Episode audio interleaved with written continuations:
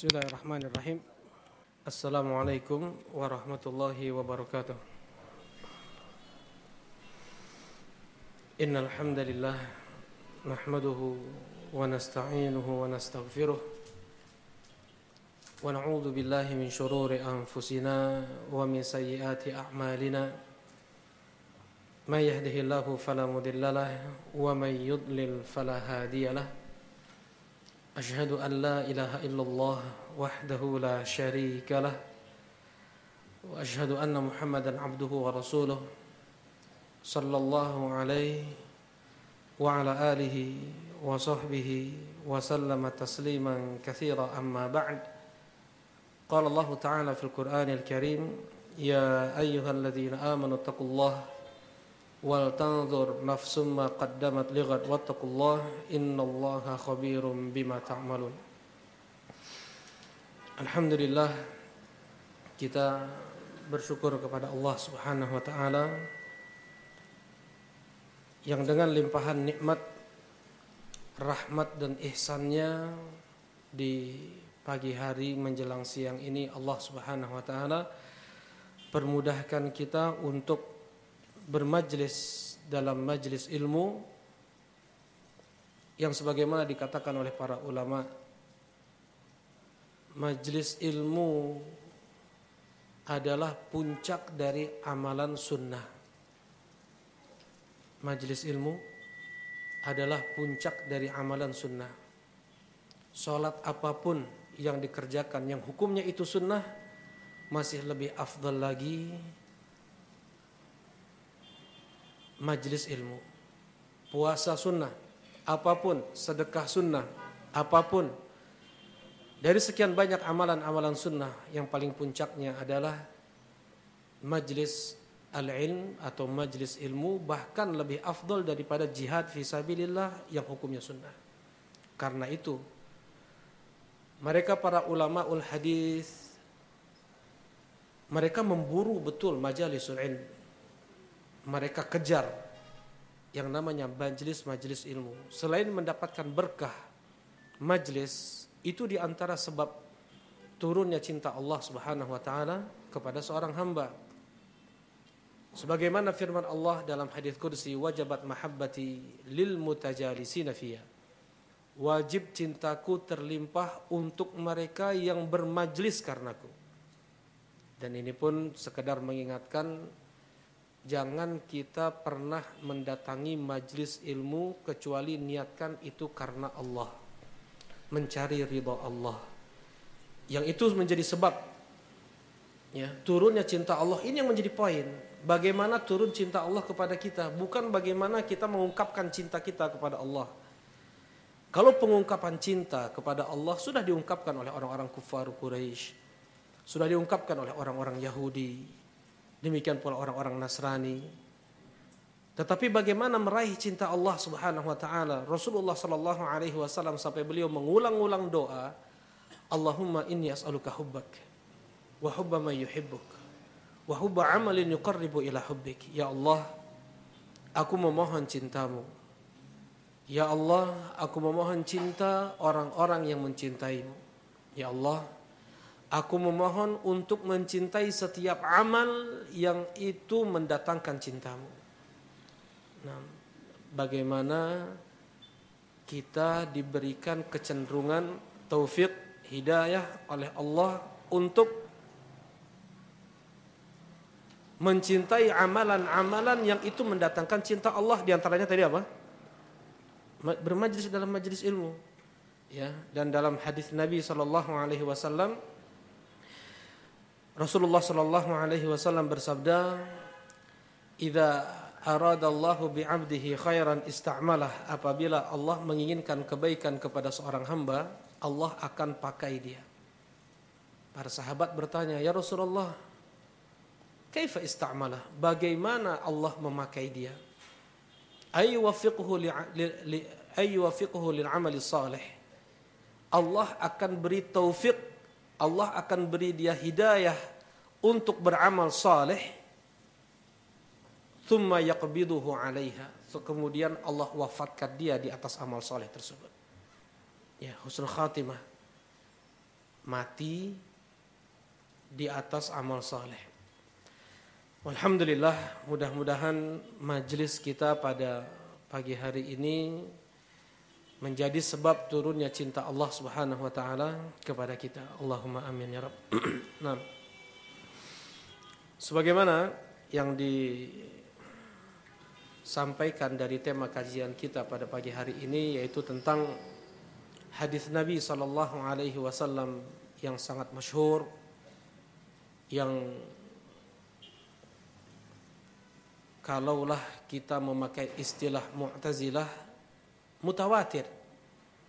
Hadis ini mutawatir diriwayatkan oleh 31 sahabat Nabi sallallahu alaihi wasallam.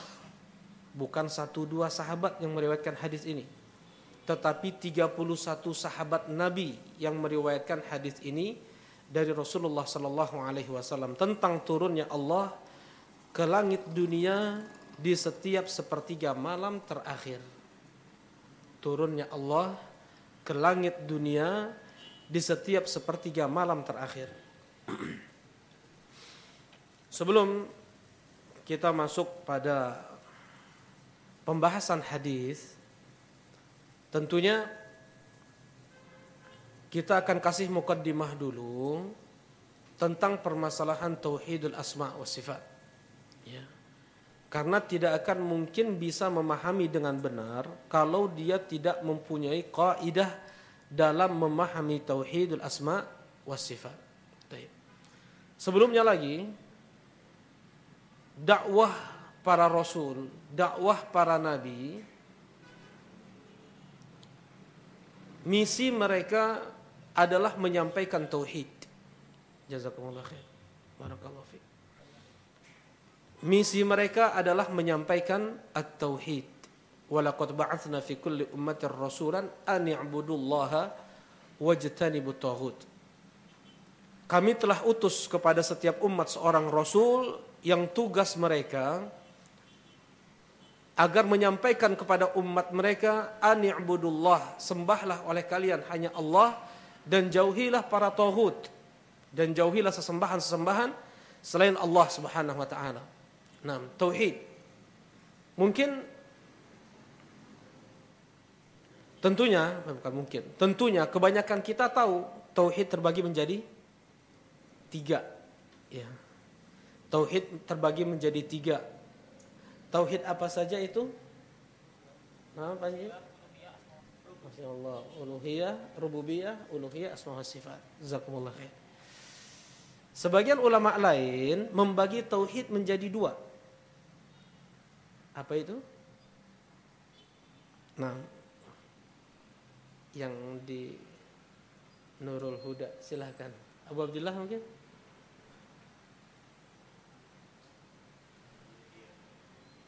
Enggak. Kalau pembagian itu harus tiga. Uluhiyah, rububiyah, dan asma wa sifat. Sebagian ulama lain, fadal, ada yang bisa Sebagian ulama lain membagi tauhid menjadi dua. Yang pertama adalah tauhidul tauhidul qasd wat talab. Tauhidul qasdi wat talabi. Yang pertama, yang kedua tauhidul ma'rifah wal itsbat. Ya, sama semuanya. Dua-duanya sama. Pembagian tauhid menjadi tiga, pembagian tauhid menjadi dua, itu sama. Intinya sama. Baik. Sekarang uh, apa itu tauhidur rububiyah? Fauzan?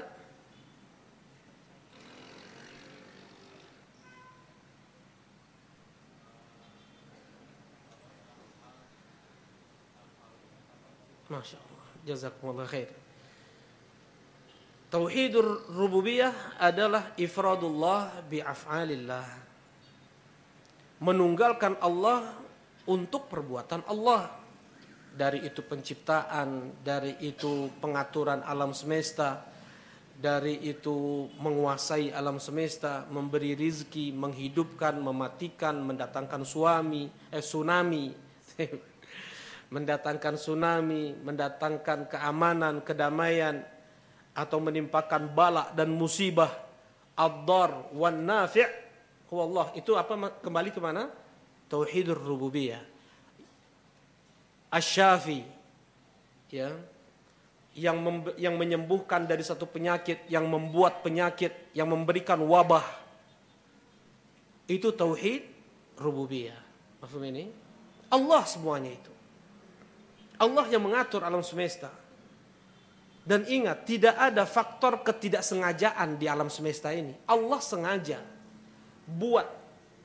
Ya, mungkin ada yang kecelakaan, ada yang jatuh, ada yang sakit. Semua itu Allah sengaja buat. Ketika seseorang sudah memahami tauhidur rububiyah yang di dalamnya adalah Allah Subhanahu wa taala yang mengatur alam semesta, ketetapan takdir. 50 ribu tahun sudah Allah tulis di Lauhul Mahfud, 50 ribu tahun sebelum Allah menciptakan langit-langit dan bumi. Tidak ada faktor ketidaksengajaan. Ya, sudah Allah tulis, sudah Allah susun rapi. Ya. Nah, ini tauhid rububiyah. Ifradullah bi af'alillah. Menunggalkan Allah dalam perbuatan Allah. Tadi perbuatan Allah semua. Jadi jangan jadi uh, apa ya?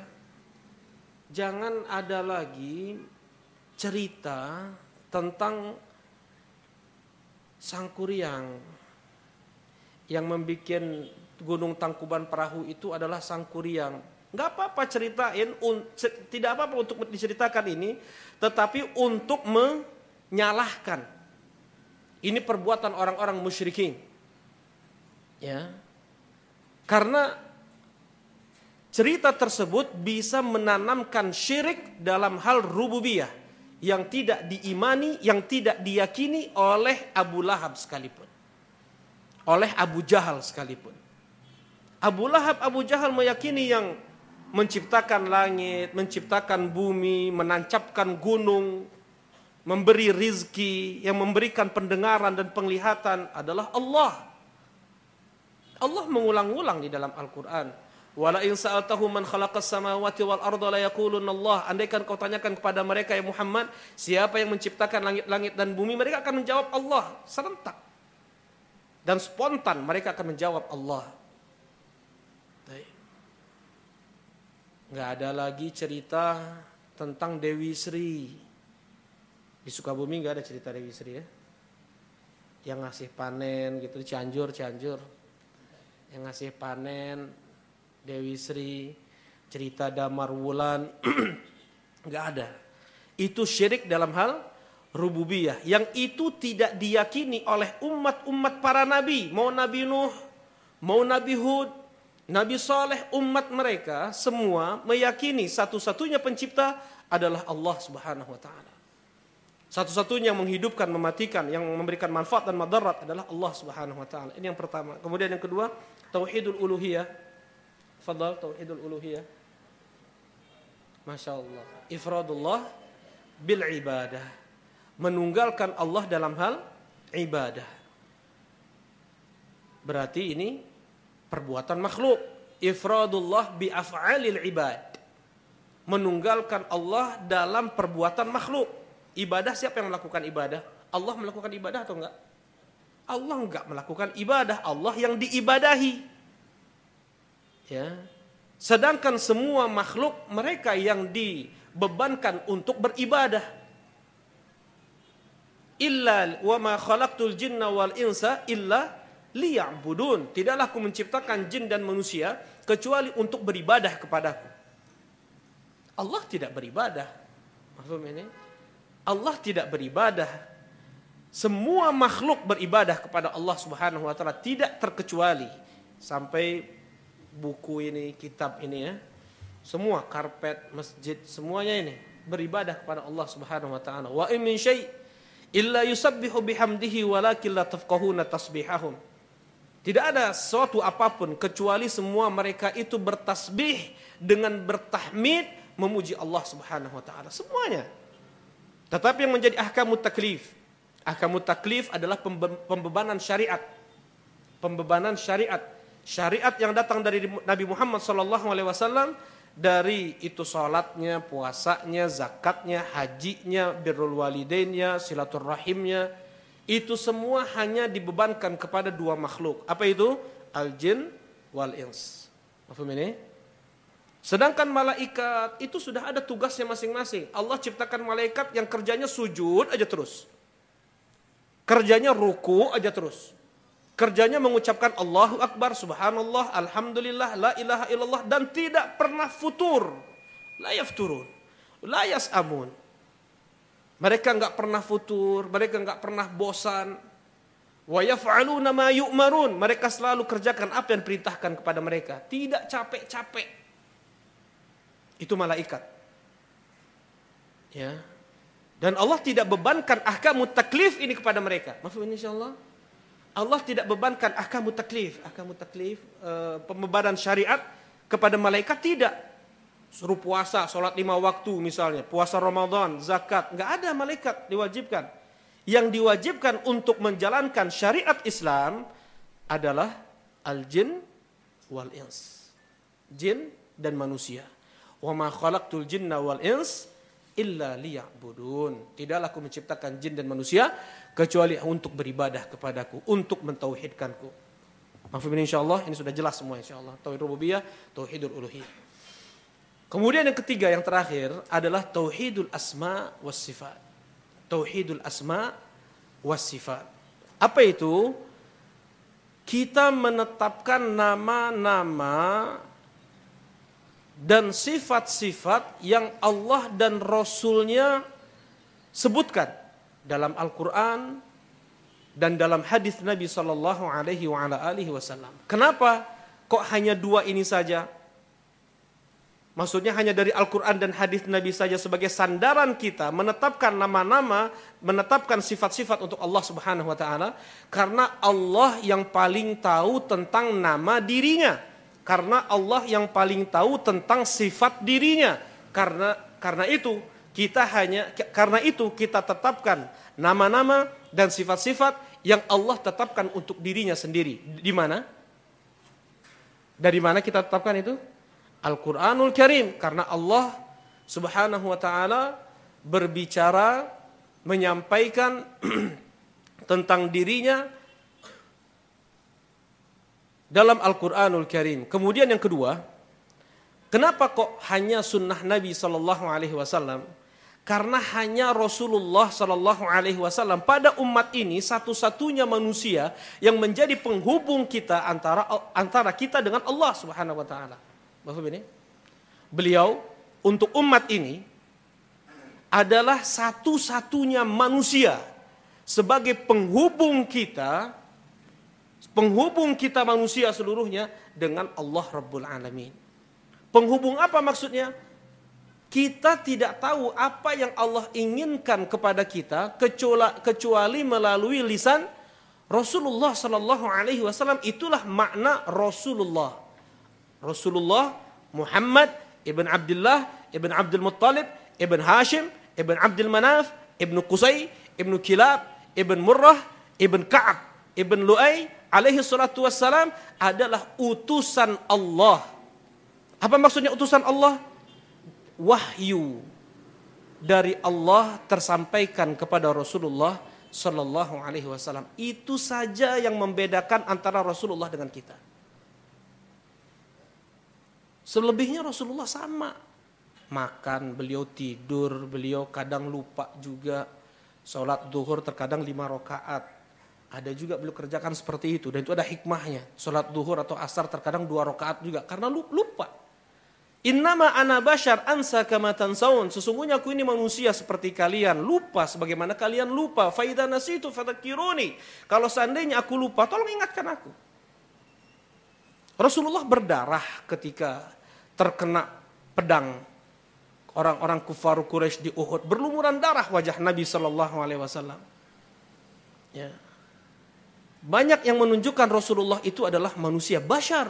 Kul innama ana bashar. Katakan berulang kali Allah Subhanahu wa taala perintahkan kepada Nabi sallallahu alaihi wasallam, katakan kepada mereka ya Muhammad, innama ana bashar. Aku ini hanyalah seorang manusia biasa.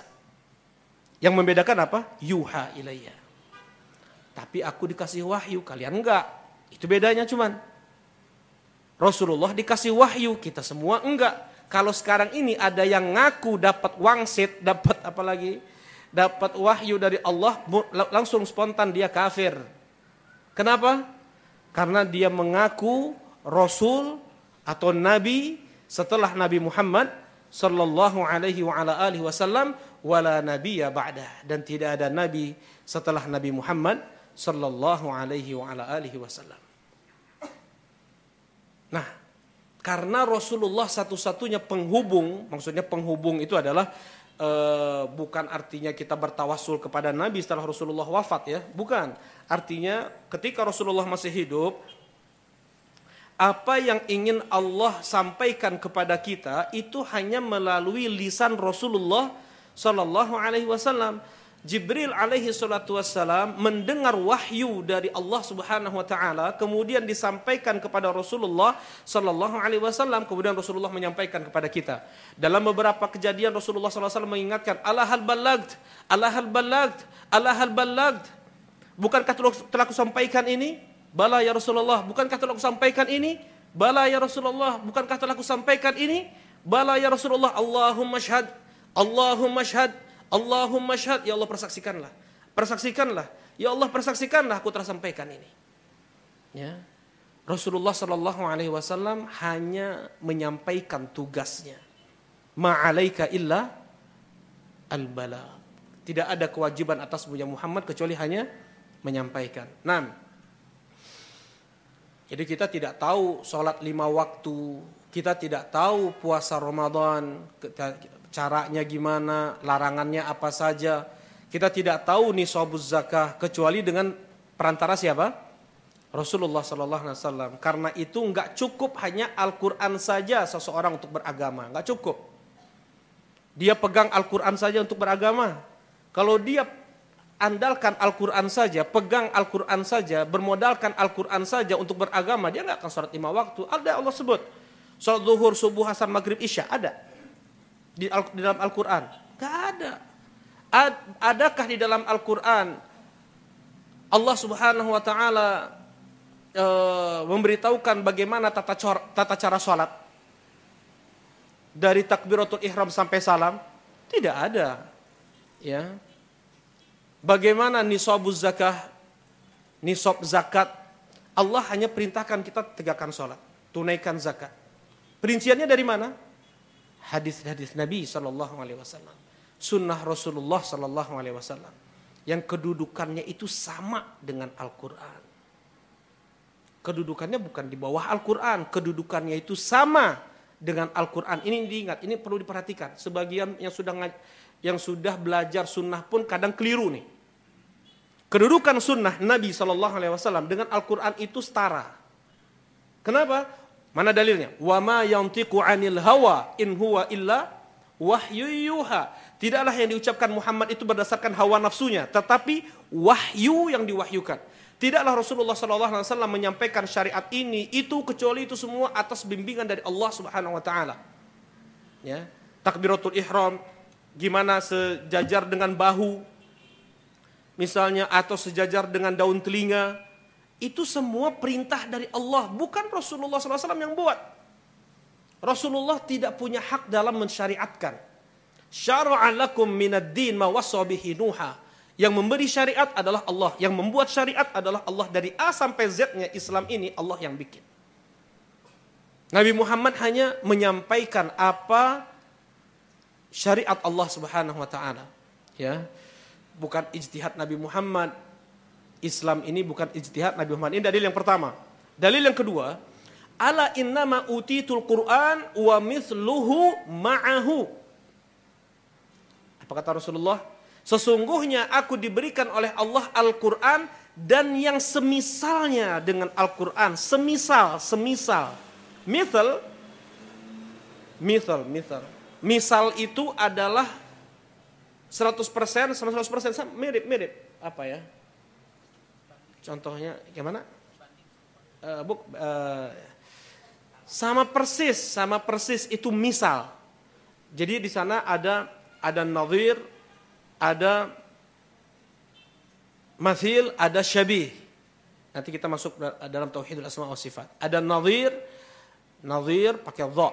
Nazir ada mathil, ada syabih. Ya. Kalau nazir itu satu sisi samanya, serupanya. Ya, mungkin ini dengan ini. Apa persamaannya? Segi empat. Apa ini ya? Segi empat. Ini nazir dari satu sisi. Taib. Kemudian ada syabih dari beberapa sisi. Mungkin botol sama gelas. Ini bulat-bulat bisa bisa bisa menampung air, ini pun bisa menampung air. Apa ini ya? Ada masil. Masil itu dari segala sisi. 100% plek sama. Ya. Nah, kata Rasulullah SAW, ala inni utitul Quran wa mithluhu ma'ahu. Sesungguhnya aku diberikan oleh Allah Al-Quran dan yang semisalnya dengannya. Paham ini? Dan yang setara dengan Al-Quran itu. Dalam berhujah kita berhujah dengan Al-Quran sama setara dengan kita berhujah dengan sunnah Nabi Sallallahu Alaihi Wasallam. Karenanya, karenanya sebagian ulama mengkritik Al Imam Syafi'i rahimahullahu taala dalam kitab Ar-Risalah, kitab pertama yang dibuat, kitab yang pertama dibuat tentang ilmu usul fiqh. Dan kitab ini kitab yang sangat agung, para ulama setelah ter, setelah dibuatnya kitab Ar-Risalah oleh Al-Imam Syafi'i, mereka sangat mudah untuk berdalil, mereka sangat mudah untuk mengambil kesimpulan, mengambil hukum ya dari banyak ayat Al-Qur'an dan hadis Nabi Shallallahu alaihi wasallam. Di sana ada ilmu usul fiqh yang mempermudah ahli fikih, yang mempermudah ulama untuk mengambil kesimpulan atau hukum dalam ayat Al-Quran dan hadis Nabi Sallallahu Alaihi Wasallam. Tetapi disebutkan di sana bahwasanya sunnah tidak bisa memansuhkan Al-Quran. Maksud ini? Sunnah tidak bisa memansuhkan Al-Quran. Sunnah tidak bisa menghapus Al-Quran. Ini dikritik. Enggak. Sunnah sekalipun bisa menghapus Al-Quranul Karim. Karena kedudukan sunnah sama dengan Al-Qur'anul Karim. Mafhum ini?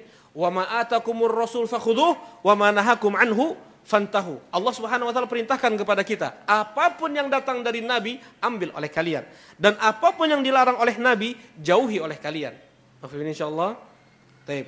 Jadi kedudukan Rasulullah sallallahu kedudukan sunnah Nabi sallallahu alaihi wasallam dengan Al-Qur'anul Karim itu sama.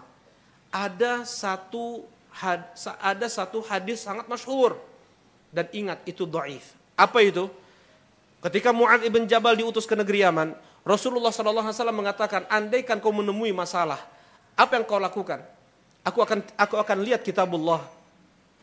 Apabila di dalam kitabullah tidak ada, aku akan mencarinya dalam eh, sunnah Rasulullah. Seperti itu. Pernah dengar? Hadis itu pernah dengar? Oh, ternyata nggak masyhur ya. Salah. Nah, ini ini hadis doif. Didoifkan oleh Syekh Muhammad Nasiruddin Al-Albani rahimahullahu taala. Kenapa? Karena hujiyatul Quran dengan hujiyatul sunnah itu apa? Sama. Kalau di sini tadi apa? Ada kedudukannya setelah Al-Quran baru sunnah kan gitu? Enggak. Sunnah dicari dua-duanya dalil Al-Quran dan sunnah. Al-Quran dan sunnah. Baik. Nah, dengan Al-Quran dan Sunnah saja kita tetapkan seluruh nama-nama dan sifat-sifat Allah Subhanahu wa Ta'ala.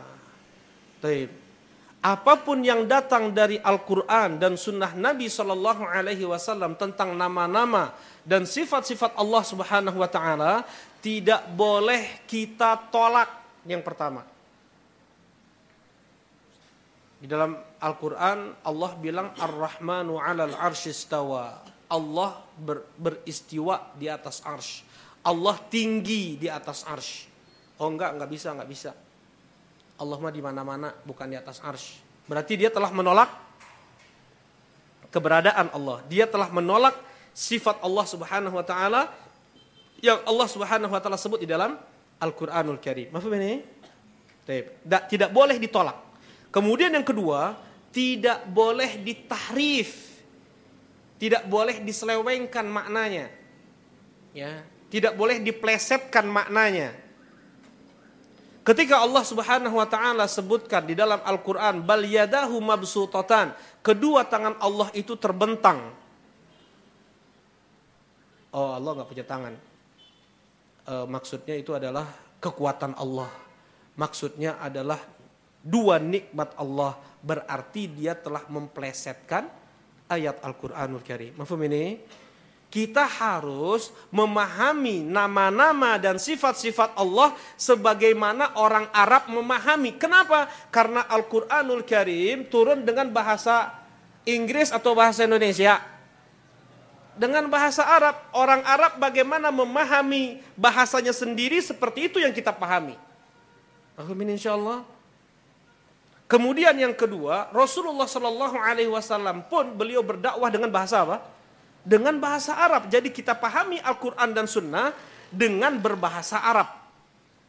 Kita pahami semua nama-nama dan sifat-sifat Allah yang datang dari Al-Quran dan Sunnah Nabi Shallallahu Alaihi Wasallam dengan berbahasa Arab. Mahfum ini? Bagaimana orang Arab memahami? Itu yang kita pahami. Jadi nggak boleh dipleset-plesetkan. Tangan jadi nikmat, tangan jadi kekuatan, ya, wajah jadi pahala, wajah jadi surga. Mana? Nggak ada. Nah, ini yang kedua. Yang ketiga, tidak boleh membagaimanakan tidak boleh membagaimanakan sifat Allah ketika Allah tetapkan ketika Allah tetapkan untuk dirinya mempunyai dua tangan, ya sudah, kita tetapkan seperti itu. Tidak boleh membagaimanakan. Membagaimanakan itu di alam pikiran saja. Itu bedanya dengan menyepertikan. Tidak boleh membagaimanakan yang ketiga, yang keempat tidak boleh menyepertikan. Apa bedanya membagaimanakan dan menyepertikan? Tadi apa bedanya? Nah, Fadl. Apa bedanya kai takyif wa tamthil? Apa bedanya membagaimanakan dan menyepertikan? Fadl, Fadl. Tadi baru baru ana sampaikan tadi. Ya, silakan. Gimana? Menyepertikan. Kalau membagaimanakan? Nah, silakan. Silakan. Nah. Masya Allah, jazakumullah khair. Kalau membagaimanakan hanya ada di alam pikiran saja, nggak ada di alam nyata. Nggak ada di alam nyata. Itu hukumnya haram. Membagai, membagaimanakan tangan Allah, dia mengimajinasikan, membayangkan ya e, seperti apa tangan Allah, seperti apa jemari Allah, sampai seperti apa wajah Allah. Dia bagaimanakan dalam akal pikiran dia, hukumnya haram. Mana dalilnya? Laisa kamitslihi syai' wa huwas samiul basir. Allah tidak seperti sesuatu apa pun. Allah tidak seperti sesuatu apa pun la tudrikuhul absar. Uh, afan. Wala yuhituna bihi ilma. Kali uh, tid, uh, kal tenam. Wala yuhituna bihi ilma dan mereka tidak bisa meliputi Allah dengan akal pikiran mereka. Walam yakullahu kufuwan ahad. Walam yakullahu kufuwan ahad. Ahad apa artinya? Tidak ada yang setara, tidak ada yang sekufu dengan Allah Subhanahu wa taala. Jangan sampai nggak tahu lagi. Ya. Dibaca terus setiap hari berapa kali? Setiap sholat habis sholat lima kali. Sholat sunnah qobla fajar ya. Dua rakaat fajar sekali. Sebelum tidur tiga kali. Kita baca terus tuh kul ahad. Masa nggak tahu artinya? Nggak boleh. Gimana kita mau khusyuk? Taib. Gak mungkin. Sampai ini Syekh Ibn Uthaymin rahimahullah ta'ala mengatakan gak mungkin seorang bisa khusyuk. Kalau seandainya dia tidak ngerti apa yang dia baca. Mungkin dia khusyuk, dia nggak ngerti apa yang dia baca. Ya. Jadi harus ter, harus tahu apa yang dia baca itu apa artinya, apa maknanya. Lebih dalam lagi, apa tafsirnya, apa kandungannya. Yang membuat sampai Rasulullah bisa menangis ketika membaca Al-Quran, basah janggut beliau, basah baju beliau sampai basah tanah beliau di, di, di atas beliau apa namanya di tempat beliau berdiri. Bisa seperti itu. Abu Bakar As-Siddiq radhiyallahu taala anhu hampir nggak selesai baca Al-Fatihah setiap beliau mengimami sholat. Makanya Aisyah radhiyallahu taala anha mengatakan ya Rasulullah selain Abu Bakar aja jadi imam, jangan Abu Bakar. Suruh Umar aja ya Rasulullah, jangan Abu Bakar. Kenapa? Hampir nggak mata yakum maqamak yabki. Kapan dia berdiri di tempatmu berdiri, udah nangis, hampir nggak selesai baca Al-Fatihah. Takut pi omongan. Khawatir nanti, oh ini makmumnya nih nggak selesai nih Abu Bakar nih, Al-Fatihah, Al-Fatihah. Ya kena budua, ya kena stain, itu lagi, itu lagi. Abu Bakar As-Siddiq, Umar bin Khattab, garis hitam di pipi beliau, aliran air mata. Dan kekhusyuan nggak bisa lepas dari makna dari makna yang dia baca. Seperti itu Syekh Utsaimin mengatakan dan nggak pantas. Ya, ketika seorang dia bisa menghafal kosakata bahasa Inggris, kosakata apalagi farmasi ya, apalagi kedokteran, bahasa-bahasa aneh, bahasa-bahasa aneh dihafalnya. Kemudian dia tidak tahu makna subhana rabbiyal a'la. Dia nggak tahu makna subhana rabbiyal azim. Dia tidak tahu arti dari kul huwallahu ahad. Nah, walam yakullahu kufuan ahad. Kembali kita insya Allah. Walam yakullahu kufuan ahad. Apa tadi, apa tadi artinya? Tidak ada yang setara dengan Allah subhanahu wa ta'ala. Enggak ada. Hal ta'lamu lahu samia. Allah tantang. Apakah ada yang standing dengan Allah? Apakah ada yang setara dengan Allah subhanahu wa ta'ala? Apakah ada yang sama dengan Allah? Enggak ada. Ya. Jadi membagaimanakan hukumnya haram karena ayat-ayat yang banyak tadi. Apalagi menyepertikan Allah dengan makhluk. Ini insya Allah menyepertikan Allah dengan makhluk itu hukumnya haram. Taib. Nah ini ini uh, kita cepat sedikit ya.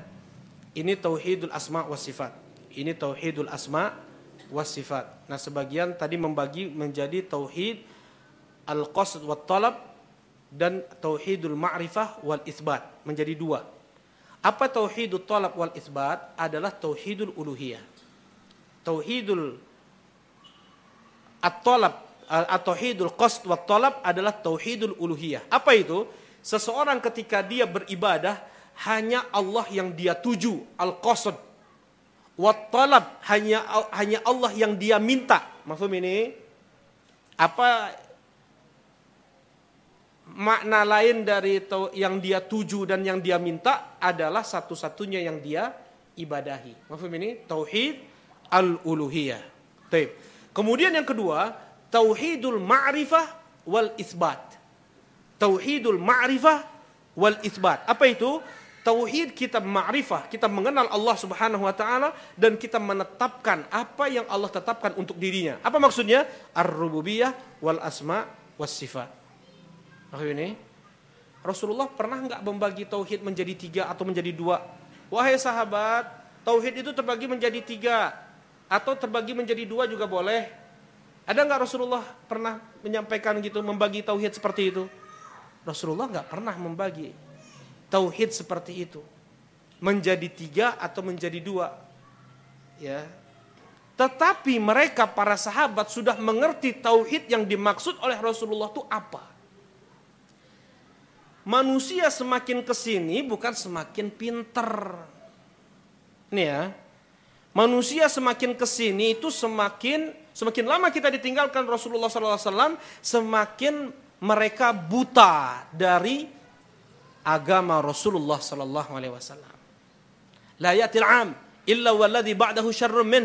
Tidak datang satu tahun kecuali yang setelahnya lebih buruk daripada yang sebelumnya manusia yang setelahnya lebih buruk daripada manusia yang sebelumnya. Nah, ketika ada orang sujud ke kuburan, ditegur, nggak boleh itu, itu syirik. Kamu harus belajar tauhid. Saya tahu tauhid, dia bilang. Orang yang sujud ke kuburan dia bilang, saya tahu tauhid. Bahkan saya lebih tahu daripada anda. Dia bilang. Ya. Apa itu tauhid? Tauhid adalah Allah satu-satunya yang mencipta alam semesta. Tauhid adalah Allah satu-satunya yang memberi rizki. Allah satu-satunya yang uh, mengatur alam semesta ini, yang menguasai alam semesta ini. Betul nggak dia bilang? Betul, tetapi hanya sebatas itu saja yang dia ngerti. Tauhid yang itu menjadi misi diutusnya para nabi dan para rasul dia jahil. No. Sifar ala shimal. Kalau istilah bahasa Arab, sifar ala shimal. Nolnya ke kiri. Kalau nolnya ke kanan ada ada nolnya ke kanan. 10, 100, 1000. Ya enggak? Ada artinya kan, ada maknanya itu. Kalau nolnya ke kiri ada maknanya enggak? Sifar ala shimal. Anak kasih istilah-istilah ya. Sifal al-Simar itu artinya minus, nggak ngerti apa-apa, nggak ngerti apa-apa maksudnya. Ya, untuk tauhid yang diutus Rasulullah Sallallahu Alaihi Wasallam, untuk itu dia nggak tahu, nggak boleh sujud ke kuburan, dia nggak tahu. Dia hanya tahu yang namanya tauhid itu adalah Allah satu-satunya mencipta alam semesta. Allah menciptakan bulan, menciptakan langit, menciptakan bumi, yang menancapkan gunung, yang ngasih yang ngasih rizki itu tidak diingkari bahkan oleh orang-orang kufaru Quraisy. Itu nggak diingkari oleh orang kufaru Quraisy. Kalau hanya sekedar itu tauhid, mereka orang-orang Quraisy udah muslim semuanya. Justru perbedaan perselisihan antara para nabi seluruhnya, para rasul semuanya dengan umat-umat mereka adalah tauhidul uluhiyah, adalah menunggalkan Allah dalam ibadah. Makanya perlu ada pembagian dari tauhid rububiyah, ada tauhid uluhiyah, perlu dijelaskan, dibedakan biar mereka ngerti. Itu maksudnya. Kalau misalnya pemahaman mereka sudah seperti pemahaman para sahabat, nggak perlu ada pembagian tiga ini, nggak perlu. Maaf ini? Nggak perlu ada pembagian tauhid menjadi dua, nggak perlu. Tapi karena manusia tambah, hmm, apa istilahnya ya? Jahil. Nggak ngerti. Bodoh. Karena itulah para ulama mereka mengerahkan us, apa namanya uh, upaya mereka bagaimana memahamkan tauhid ini kepada mereka. Ya, memang ini istilah para ulama. Bukan Rasulullah yang bawa, tetapi untuk memahamkan keadaan manusia yang semakin jauh mereka dari at-tauhid. Nah, insyaallah ya. Sekarang kita lebih detail lagi al-asma was sifat. Sebelum nuzul nih, sebelum hadithun nuzul. Ya, ini harus atau kaidah kalau enggak uh, tahu kaidah dalam asma was sifat, kita akan kesulitan. Ya, Baik. Dalam asma apa sih bedanya nama dan sifat? Ada yang bisa membedakan? Apa asma, apa sifat? Fadol. Ada asma, ada sifat. Ada ism, ada sifat. Fadol Abu Hudzaifah. Fadol. Apa nama, apa sifat? Ya? Nah. Khair. Ada nama, ada sifat. Nama itu adalah yang contohnya adalah As-Sami' itu nama Allah yang maha mendengar. Paham ini? Sifat apa? Mendengar. Sifat itu apa? Mendengar. Sifatnya mendengar. Namanya yang maha mendengar. Paham ini? Bisa dibedakan sifatnya ya. E, nama dan sifat ini botol. Ini namanya botol kan? Ada istilah lain. Ini botol. Apa sifatnya? Tutupnya warna biru. Terbuat dari plastik. Apalagi nih? Ya, ginilah bulat-bulat. Itu sifat. Bisa dibedakan ini? Ada nama, ada sifat. Terkadang satu benda mempunyai sifat yang sangat banyak Ya. Paham ya? Ada nama, ada sifat.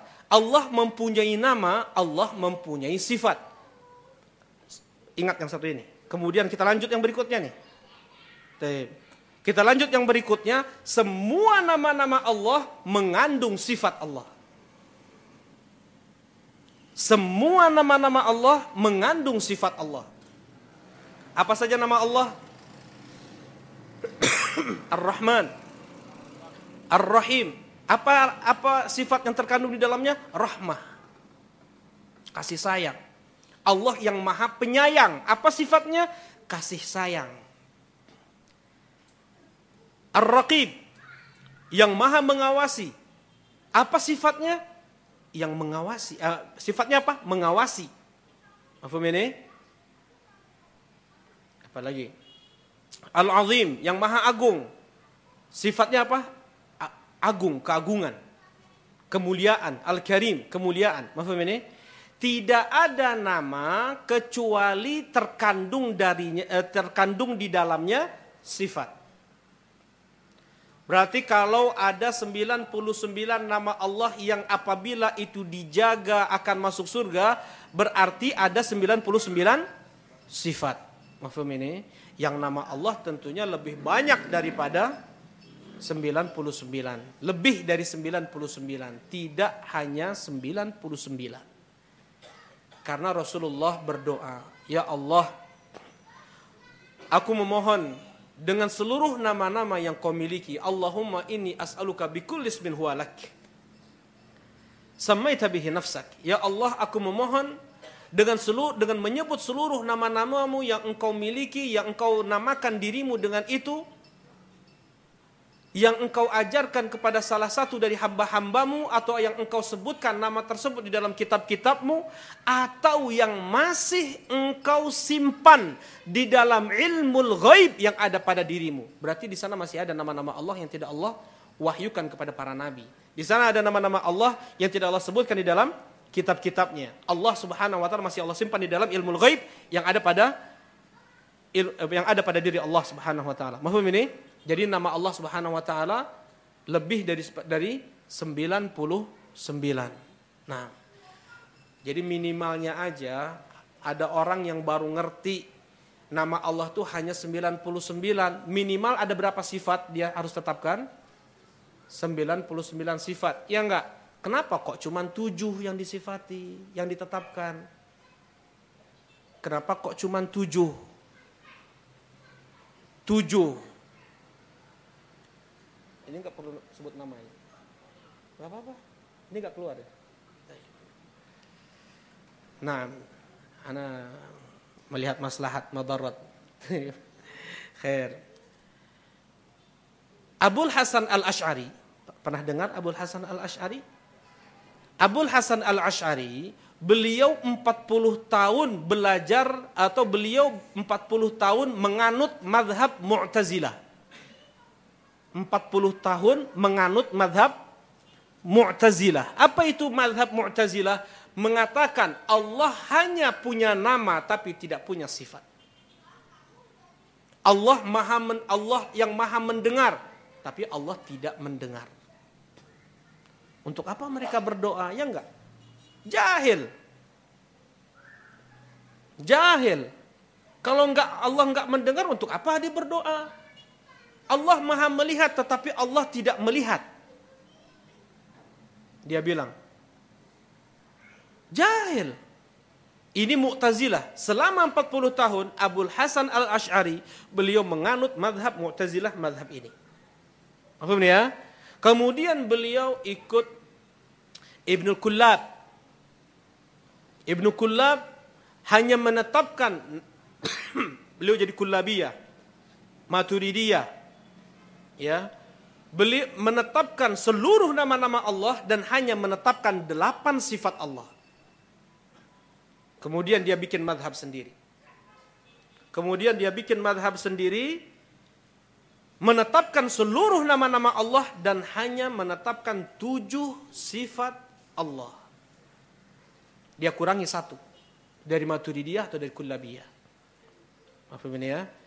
Dan kemudian ini diterima oleh banyak sekali orang terutama yang bermadhab dengan madhab syafi'i. Yang mengambil fikih syafi'i, yang mengambil fikih syafi'i, madhabnya dalam asma wa sifat adalah ash'ariyah. Kebanyakan. Kalau Sobuni yang kita kaji kitabnya di Nurul Huda, itu ulama syafi'iyah yang tidak berpaham dengan paham ash'ari.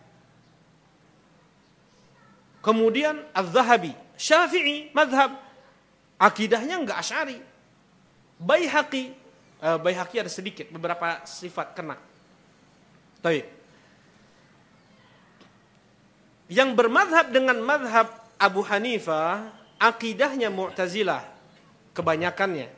Yang bermadhab dengan madhab uh, Malikiyah, akidahnya adalah Karamiyah, kebanyakannya. Sekarang ini ya, sekarang ini ya. Yang bermadhab dengan madhab Hambali, kebanyakannya adalah ahlu sunnah. Aku ini. Baik. Nah, Abu Hasan al Ashari hanya menetapkan tujuh sifat Allah saja. Sifat apa itu? Itu pun ditetapkannya bukan bukan karena ada dalil, tapi dengan akal. Yang namanya Tuhan, Allah itu harus hidup. Kalau hidup bukan Tuhan namanya. Jadi sifat hidup. Yang namanya hidup harus mendengar dan melihat dan juga berbicara. Inilah sifat sempurna. Dia tetapkan Allah punya sifat mendengar, melihat dan berbicara. Dengan adanya alam semesta ini berarti Allah mempunyai sifat mencipta. Dan tidak mungkin Allah mencipta tiba-tiba begitu saja tanpa diilmui sebelumnya. Enggak mungkin orang tukang kayu bisa bikin meja ini kalau dia tidak tahu ilmu sebelumnya ilmu Allah. Kemudian adanya perbedaan pada makhluk yang satu tinggi, yang satu pendek, yang satu putih, satu hitam, macam-macam. Di sana ada iradah dari Allah Subhanahu wa taala. Sifatul iradah. Tujuh sifat Allah. Sekarang cerdas sedikit mereka. Naik kelas. Asalnya kober, asalnya kelompok belajar, PAUD, naik kelas jadi TK, 20 sifat mereka tetapkan sekarang. Wujud kidam bako. Mukhalafatul hawadith. Wahdaniyah. Ada iradah. Karena itulah. Nah, berapa sifat itu? Hanya 20. Hanya 20 sifat. Paham ini? Hanya 20 itu tidak ditetapkan oleh Abu Hasan al-Ash'ari. Abu Hasan al Ashari hanya tujuh sifat dan beliau sudah tobat. Beliau kembali kepada madhab al-sunnah wal jamaah. Mana bukti tobat beliau? Kitab yang beliau tulis nama kitabnya adalah Al-Ibanah. Nama kitabnya adalah Al-Ibanah fi usulid diyanah. Penjelasan tentang dasar kami beragama. Kayak saya kembali kepada madhab al-sunnah wal jamaah. Allah mempunyai nama-nama, mempunyai sifat-sifat. Dan sifat-sifat Allah lebih banyak daripada nama-nama Allah nggak diaku oleh orang-orang Asy'ariyin kemudian. Enggak, yang tujuh sifat yang lebih bagus lagi. Kitab tersebut nggak diakui. Tapi kitab Al-Ibanah adalah bukti tobatnya Abul Hasan Al-Asy'ari dari madhab yang beliau bikin sendiri. Ini ya. Tuh.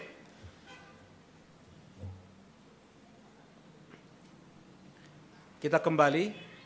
Madhab Ahlu Sunnah wal Jamaah semua nama-nama Allah mengandung apa tadi? Sifat. Diambil dari seluruh nama sifat, tidak sebaliknya. Ingat. Tidak sebaliknya, tidak diambil dari seluruh sifat dari sifat-sifat Allah itu nama. Karena sifat Allah jauh lebih banyak daripada nama. Coba itu. Ini ini ini ini kaidah ini sifat Allah lebih banyak daripada nama. Sifat Allah apa di antaranya? Syara'an lakum minad din. Allah membuat syariat. Apakah nama Allah asyari' Tidak. Abdus syari' pernah dengar? Nggak ada. Kalau ada, ah itu salah itu. Ya. Kalau ada salah. Karena syara'a itu adalah sifat Allah dan Allah tidak pernah menamakan dirinya dengan asyari' Allah menamakan diri sudah jelas ada as-sami al-basir huwallahu alladhi la ilaha illahu al-malikul quddus salamul mu'minul muhaiminul azizul jabbar mutakabbir subhanallah ma yusyrikun huwallahu al-khaliqul bari'ul musawwirul lahul asmaul husna yusabbihu lahu ma fis samawati wal ard wa huwal azizul hakim. Nah ada 99 nama yang menjadi khilaf para ulama 99 nama Allah yang mana sih? Karena Allah sebut pun sudah lebih dari 120 nama di dalam Al-Quran dan hadis Nabi SAW. Dari yang Allah sebut saja baru 120 lebih nama saja itu ulama khilaf mana di antara 120 nama ini yang 99 itu yang mana? Apa ini? Baik. Jadi kita bisa membedakan mana apa itu nama, apa itu sifat? Bisa ya? Nama Allah yang Maha mendengar. Apa sifat apa sifat Allah dari nama ini? mendengar dan Allah Subhanahu wa taala mempunyai nama sebelum Allah mencipta. Ingat itu. Allah tidak punya nama Al-Khaliq setelah Allah mencipta, setelah Allah yakhluk. Enggak. Sebelum Allah mencipta, Allah sudah punya nama Al-Khaliq. Sebelum Allah menciptakan makhluk, malaikat, Jibril, siapa pun itu yang mendengar ucapan Allah, Allah sudah punya nama As-Sami'. Apa ini? Ya.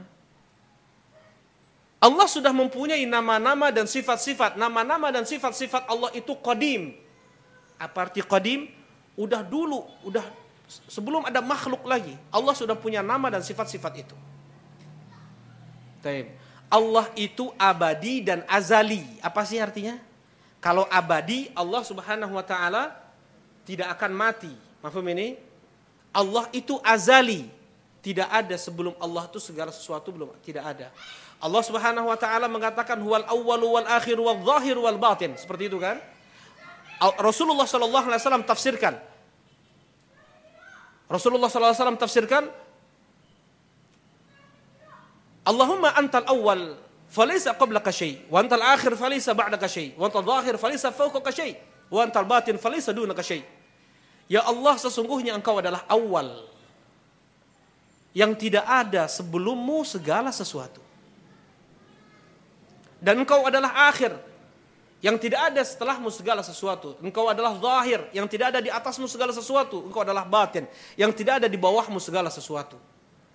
Ini tafsir langsung dari Rasulullah sallallahu alaihi wa ala alihi wasallam. Nah, ya. Jadi Allah itu azali. Apa maksudnya azali? Tidak ada sebelum Allah segala sesuatu. Nah, sekarang kita lebih kerucutkan lagi di antara perselisihan keras antara ahlu sunnah dengan ahli bidah dengan ahli bid'ah adalah sifat uluwullah. Sifat Allah di atas arsh. Allah berada di satu berada di atas. Dan ini nggak bisa lepas sifat ini nggak bisa lepas dari tema kita. Tema kita apa? Allah Subhanahu wa taala turun ke langit dunia. Berarti Allah asalnya di mana? Di atas. Mafhum ini? untuk uluwul qadar wa uluwul qahar. Sifat ulu Allah terbagi menjadi tiga. Uluwul qadar wa uluwul qahar wa uluwul, wa uluwul dhat. Uluwul qadar wa uluwul qahar tidak ada khilaf di antara ahlu sunnah dengan mereka, dengan ahli bid'ah. Semuanya meyakini ketinggian Allah dari dari sifat-sifatnya, ketinggian Allah dari hikmah penciptaannya, ketetapannya, semuanya. Tetapi yang menjadi khilaf antara ahlu sunnah dengan ahlu bidah adalah uluwudzat. Apa itu? Keberadaan Allah di atas. Zat Allah